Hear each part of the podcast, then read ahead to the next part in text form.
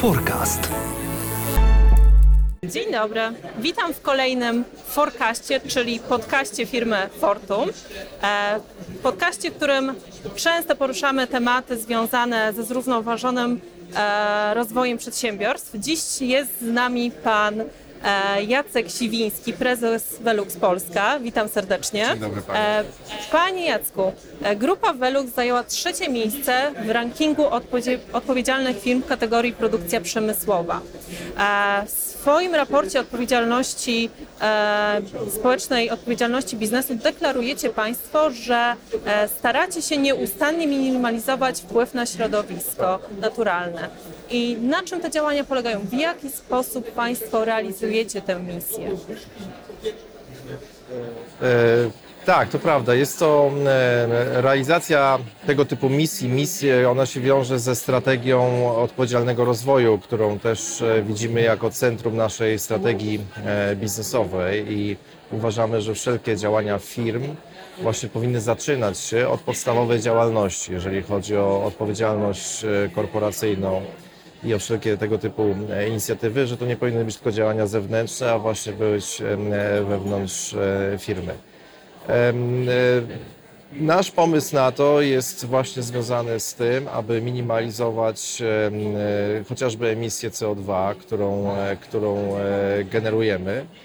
Postawiliśmy sobie cel redukcji tej emisji o 50% jako cała firma globalnie między rokiem 2007 a 2020 i wydaje się, że będziemy mogli w tej kwestii e, ogłosić e, sukces. Sposób e, realizacji tego jest, e, jest oczywiście wielopoziomowy. Chcę powiedzieć, że postawienie sobie ambitnego celu e, e, związanego ze zrównoważonym rozwojem automatycznie generuje w filmie na różnych poziomach wiele innowacyjnych projektów, które przyczyniają się do realizacji tego celu. Więc są e, projekty bardzo duże, czyli na przykład, nie wiem, inwestycje w e, odnawialne źródła energii, w e, biobojlery w naszych zakładach przemysłowych, w wszelkie projekty związane z oszczędzaniem energii, tak jak oświetlenie LEDowe na przykład. E, I to są takie projekty duże i oczywiste i one, i one bardzo dużo dają, ale jest też wiele takich małych, codziennych projektów, które optymalizują nasze procesy. Czyli rozumiem, że to są zarówno projekty związane z samą produkcją, ale również z taką działalnością szeroko pojętą firmy. Oczywiście, że szeroką. To znaczy, to się wiąże też z tym, że my, my od początku poprzedniej dekady zaczęliśmy używać do e, projektowania naszych produktów zasady life cycle assessment i przez to analizujemy wpływ e, naszego produktu na środowisko od momentu pozyskania surowców i to musimy też audytować poprzez proces produkcyjny, transportowy, logistyczny.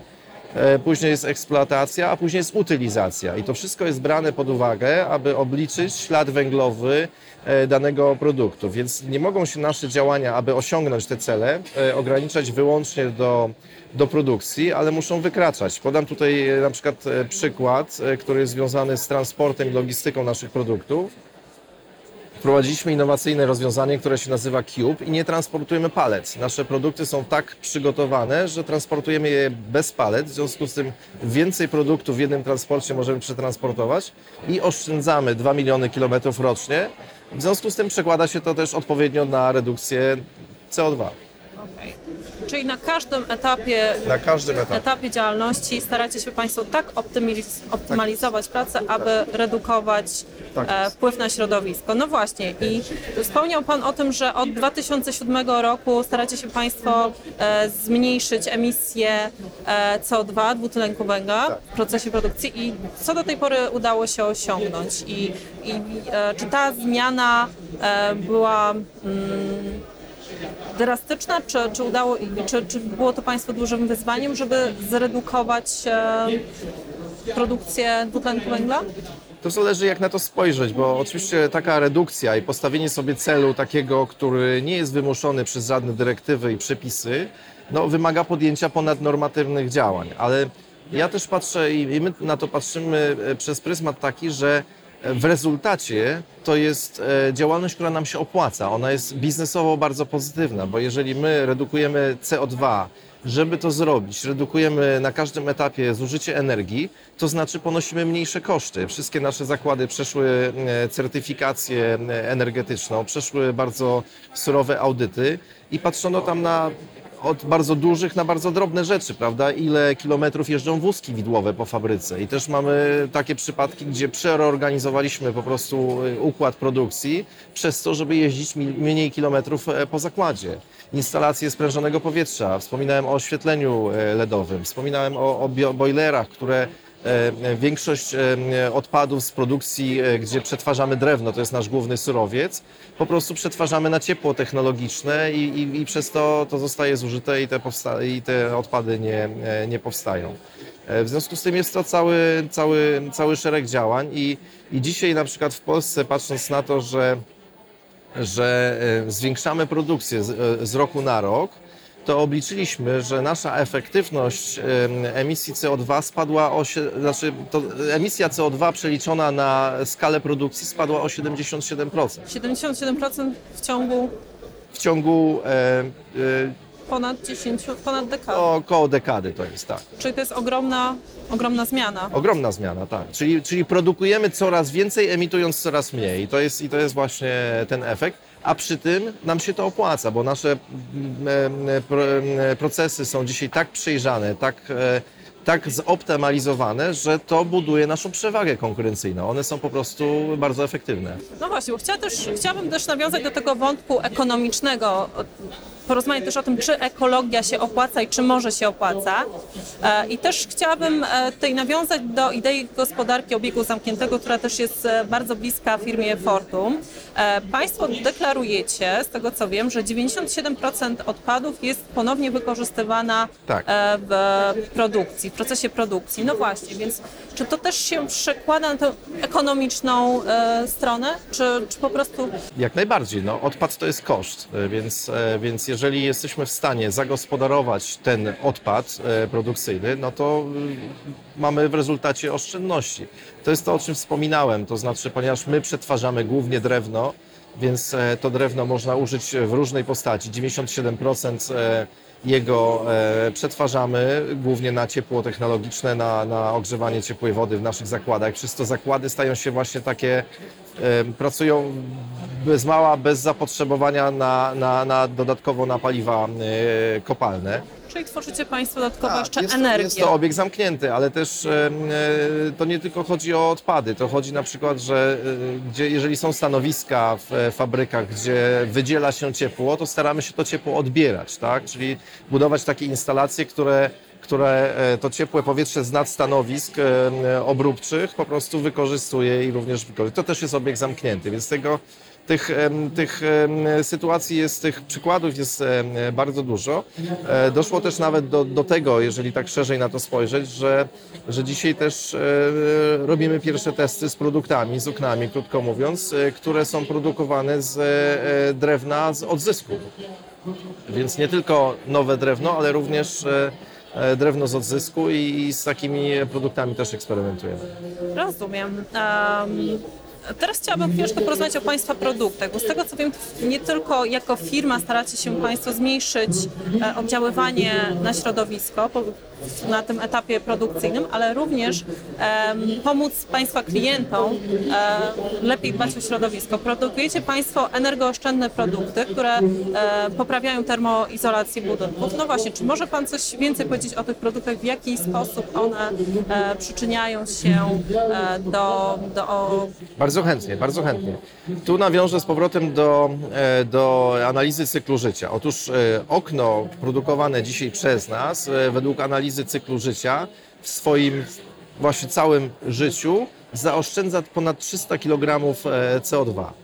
A to dlatego, że oczywiście jest produkowane w sposób efektywny, ale też dlatego, że okno jest takim elementem budynku, które nie tylko izoluje, czyli zabezpiecza przed pewnymi stratami energii, ale również pozyskuje pasywnie, e, pa, e, energię e, słoneczną do środka budynku. Więc przy Okno w przeciwieństwie do innych materiałów używanych w budownictwie jest takim elementem aktywnym budynku, więc też pozyskuje darmową energię słoneczną i to też się bierze pod uwagę w całym bilansie i w całym obliczeniu.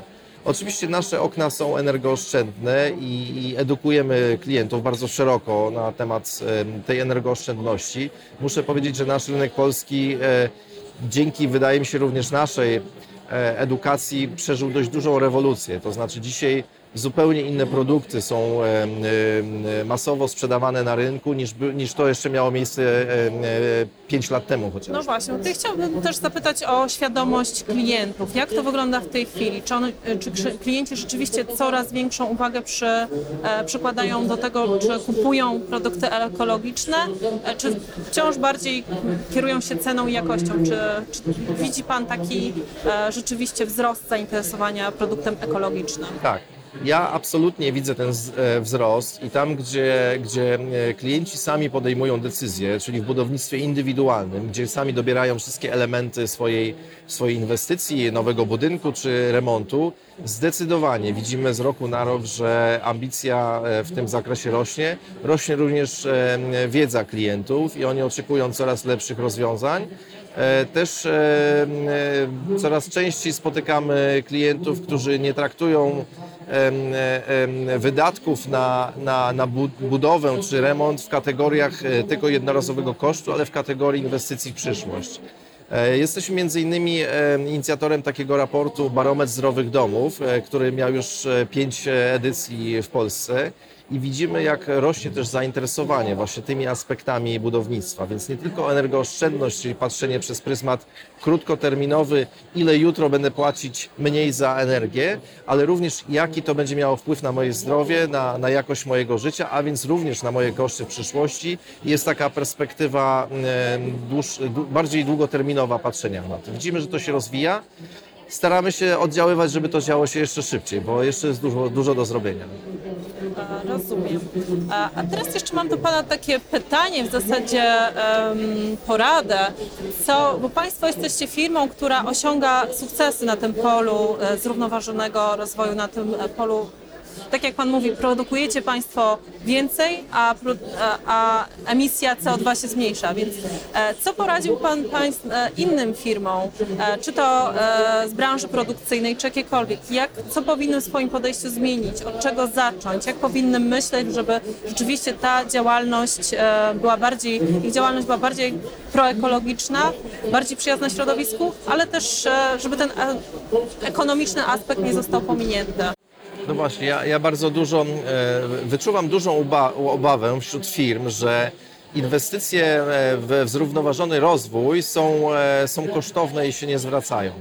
Więc na naszym przykładzie widać, że, że może być wręcz przeciwnie. To znaczy, że, że postawienie sobie celu wspierania zrównoważonego rozwoju powoduje wzrost innowacyjności w firmie, W związku z tym e, firma staje się coraz bardziej konkurencyjna, ma coraz lepsze procesy, oszczędza, jak również, e, co może trudniej zmierzyć w wymiarze monetarnym, ale dzisiaj również e, pracownicy wybierają firmy, które działają bardziej w sposób zrównoważony. Znaczy dzisiaj Zwłaszcza wśród młodego pokolenia widać, że firmy, które mają wyższy cel, angażują się szerzej niż tylko w em, produkowanie krótkoterminowego wyniku finansowego, lepiej sobie radzą na trudnym rynku pracy, że łatwiej jest im przyciągnąć e, zdolnych ludzi, łatwiej ich utrzymać, e, łatwiej e, mieć e, wyższy poziom zaangażo- zaangażowania i lojalności w firmie, co też w rezultacie przekłada się na,